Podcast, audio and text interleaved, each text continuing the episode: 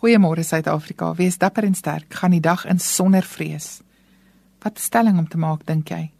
Veral omdat ons woord vir prioriteit in Suid-Afrika amper vervang kan word met die woord sekuriteit. Mure hekke drade palisades elektriese heiningstralies en slotte. Dit sekuriteitsmaatskappy wat om jou huis rondjaag. Dis wat jy nodig het om met vrede in ons land te leef. Of soort van niks is gewaarborg nie. Gevaar waarsku die Bybel is altyd deel van ons lewe. Die erge ding vir ons om te weet is dat gevaar vir Christene nog groter is. Hoekom? Want ons behoort aan God en ons lewe word gevolglik bedreig deur meer as een vorm van gevaar afkomstig van die bose. Ons word fisiek bedreig deur mense wat met misdaad in hul harte en hande rondloop en innerlik bedreig deur alles waaraan ons sensories blootgestel is. Ja, ons word verlei en mislei op meer as een vlak om besig te raak en goed te doen wat uiteindelik ons van ons lewensdoel gaan ontspoor en ons dinge gaan laat doen wat vir onsself en ander groot skade gaan bring.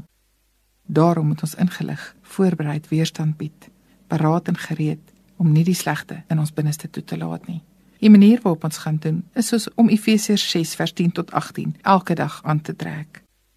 In vers 10 staan: Soek julle krag in die Here en in sy groot mag. Trek die volle wapenrusting aan wat God julle gee sodat julle op julle pos kan bly ondanks die listige aanslae van die duiwel.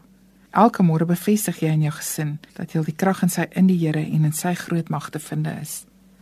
Onthou God is almagtig en hy veg ons gevegte vir vir ons. Sit dan die gordel van waarheid aan. Die waarheid is Jesus is die Here, die lewende God. Glo dit, bely dit, leef dit. Hou die vryspraak van God se borsharnas voor jou hart sodat jy kan onthou jy is deur God se genade gered en vrygespreek. Jy in jou lewe is goed genoeg en niemand mag jou kom aankla en jou laat sondig en minderwaardig voel nie. Trek ook die skoene van bereidheid om evangelie te verkondig aan. God roep jou om sy verteenwoordiger op aarde te wees. Doen dit, moenie bang en skaam wees vir die evangelie nie. God sê as jy jou nie vir hom skaam nie, sal hy hom ook nie vir jou skaam nie.